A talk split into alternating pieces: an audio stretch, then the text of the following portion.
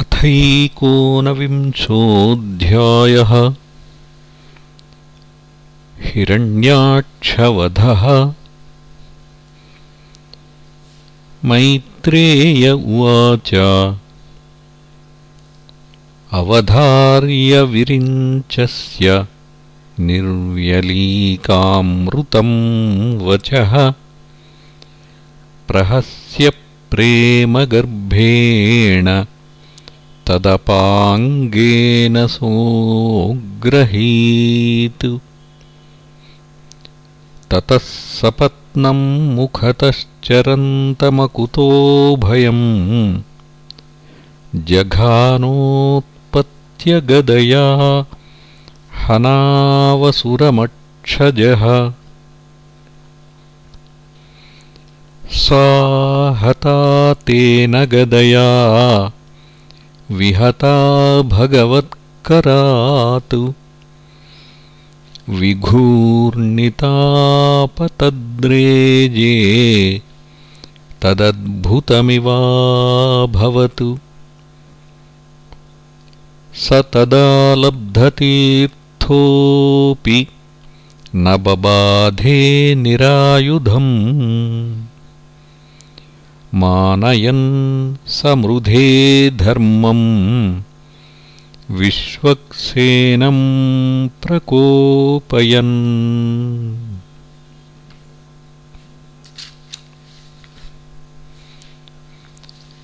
गदायामपविद्धायाम् हाहाकारे विनिर्गते मानयामास तद्धर्मम् सुनाभं चास्मरद्विभुः। तं व्यग्रचक्रं दितिपुत्राधमेन स्वपार्षदमुख्येन विसज्जमानम् चित्रावाचो तद्विदां खेचराणाम् तत्रास्मासन् स्वस्तितेमुं जहीति। स तं निशाम्यात्तरथाङ्गमग्रतो स्थितं पद्मपलाशलोचनम् विलोक्य चामर्षपरिप्लुतेन्द्रियो। रुषास्वदन्तच्छदमादशच्छ्वसन् करालदंष्ट्रश्चक्षुर्भ्याम्। सञ्चट् क्षाणो दहन्निव। अभिप्लुत्य स्वगदया। हतोऽसीत्याहनद्धरिम्। पदासव्येन तां साधो। भगवान् यज्ञसूकरः लीलयामिशतः शत्रोः प्राहरद्वातरंहसम्। चायुधमाधत्स्व घटस्वत्वं जिगीषसि इत्युक्तः स तया भूयस् ताडयन् व्यनदद्भृशम्। तां स आपततीं वीक्ष्य भगवान् समवस्थितः। जग्राहलीलया प्राप्ताम्। गरु वपन्नगीम् स्वपौरुषे प्रतिहते हतमानो महासुरः। नैच्छद्गदाम् दीयमानाम् हरिणा विगतप्रभः जग्राहत्रिशिखम् शूलम् ज्वलज्ज्वलनलोलुपम् यज्ञाय धृतरूपाय विप्रायाभिचरन् यथा।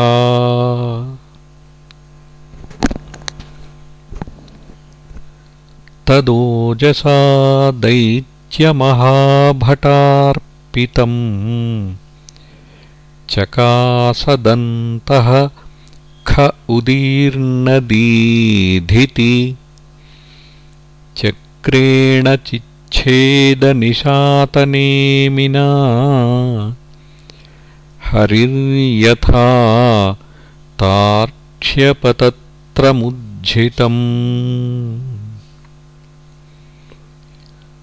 वृक्ने स्वशूले बहुधारिणा हरेः प्रत्येत्यविस्तीर्णमुरो विभूतिमत् प्रवृद्धरोषः स कठोरमुष्टिना नदन् प्रहृत् न्तरधीयतासुरः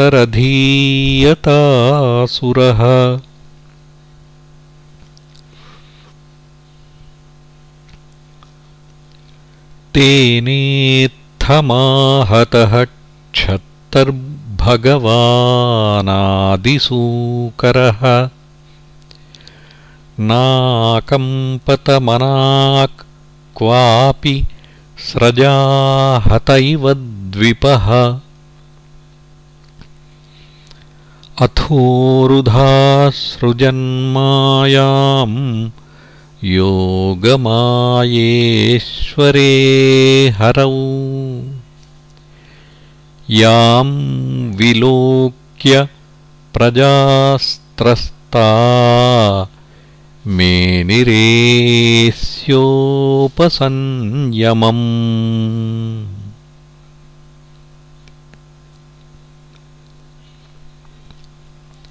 प्रववुर्वायवश्चण्डास्तमः पांसवमैरयन् दिग्भ्यो निपेतुर्ग्रावाणः क्षेपणैः प्रहिता इव। द्यौर्नष्ट भगणाभ्रौघैः स विद्युत्स्तनयित्नुभिः वर्षद्भिः पूयकेशासृक् विण्मूत्रास्थीनि चासकृत्।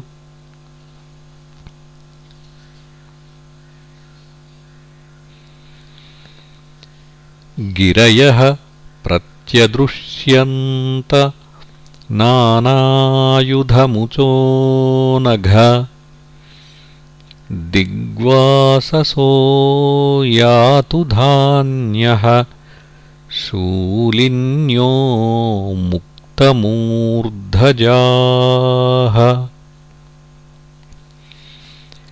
बहुभिर्यक्षरक्षोभिः त्यश्वरथकुञ्जरैः आततायिभिरुत्सृष्टा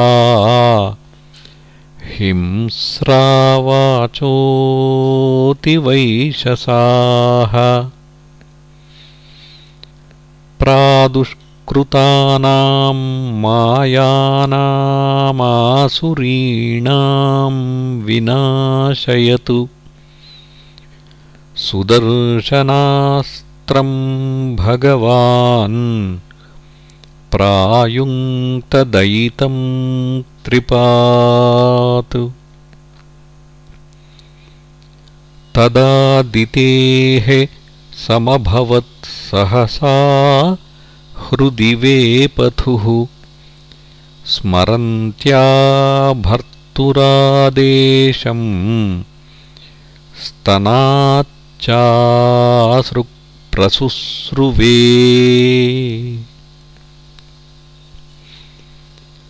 विनष्टासु स्वमायासु भूयश्चाव्रज्यकेशवम्। ऋषोपगूहमानो मुम् ददृशेव स्थितं बहिः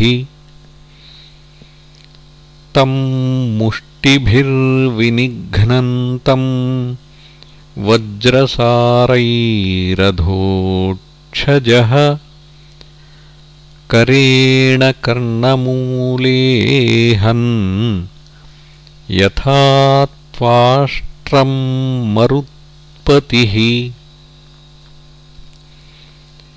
स आहतो विश्वजिता ह्यवज्ञया। परिभ्रमद्गात् उदस्तलोचनः। विशीर्णबाह्वङ्घ्रिशिरोरुहोपतत्। यथा नगेन्द्रो लुलितो नभस्वता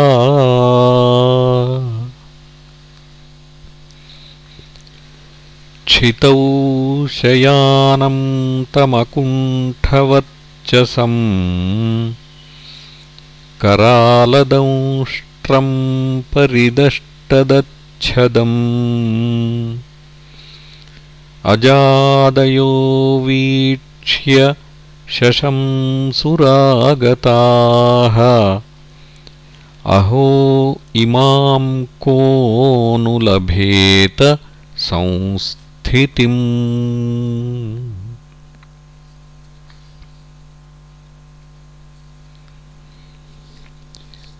यं योगिनो योगसमाधिनारहो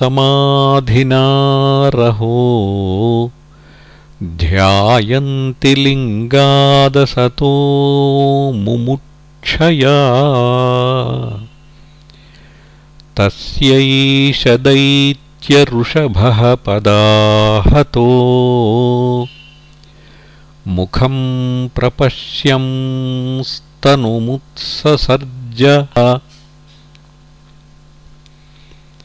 एतौ तौ पार्षदावस्य शापाद्यातावसद्गतिम्। पुनः कतिपयैः स्थानं प्रपत्स्येतेह जन्मभिः।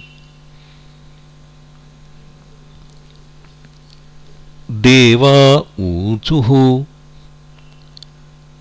नमो नमस्तेऽखिलयज्ञतन्तवे स्थितौ गृहीतामलसत्त्वमूर्तये दिष्ट्याहतोऽयं जगतामरुन्तुदः त्वत्पादभक् वयमीश निर्वृताः।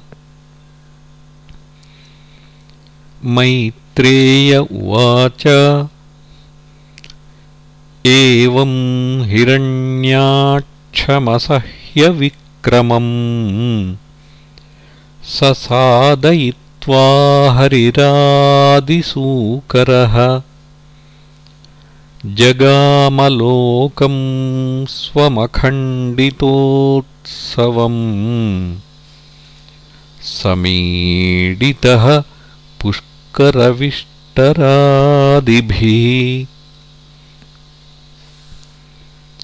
मया यथानूक्तमवादिते हरेः। कृतावतारस्य सुमित्रचेष्ट यथा हिरण्याक्ष उदारविक्रमो महामृधे क्रीडनवन्निराकृतिः सूत उवाच। इति कौशारवाख्याताम् आश्रुत्य भगवत्कथाम्। क्षत्तानन्दम् परम् लेभे महाभागवतो द्विज अन्येषां पुण्यश्लोकानाम् उद्दामयशसां सताम् उपश्रुत्य भवेन्मोदः श्रीवत्साङ्कस्य किम् पुनः यो गजेन्द्रम् झषग्रस्तम् ध्यायन्तम् चरणाम्बुजम् क्रोशन्तीनाम् करेणूनाम् कृच्छ्रतो मोचयत् द्रुतम् तं सुखाराध्यं ऋजुभिरनन्यशरणैर्नृभिः कृतज्ञः को न सेवेत दुराराध्यमसाधुभिः। यो वै हिरण्याक्षवधम् महाद्भुतम्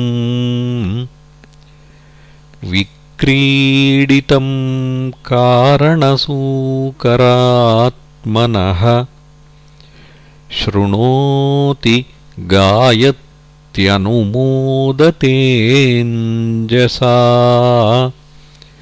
विमुच्यते ब्रह्मवधादपि द्विजाः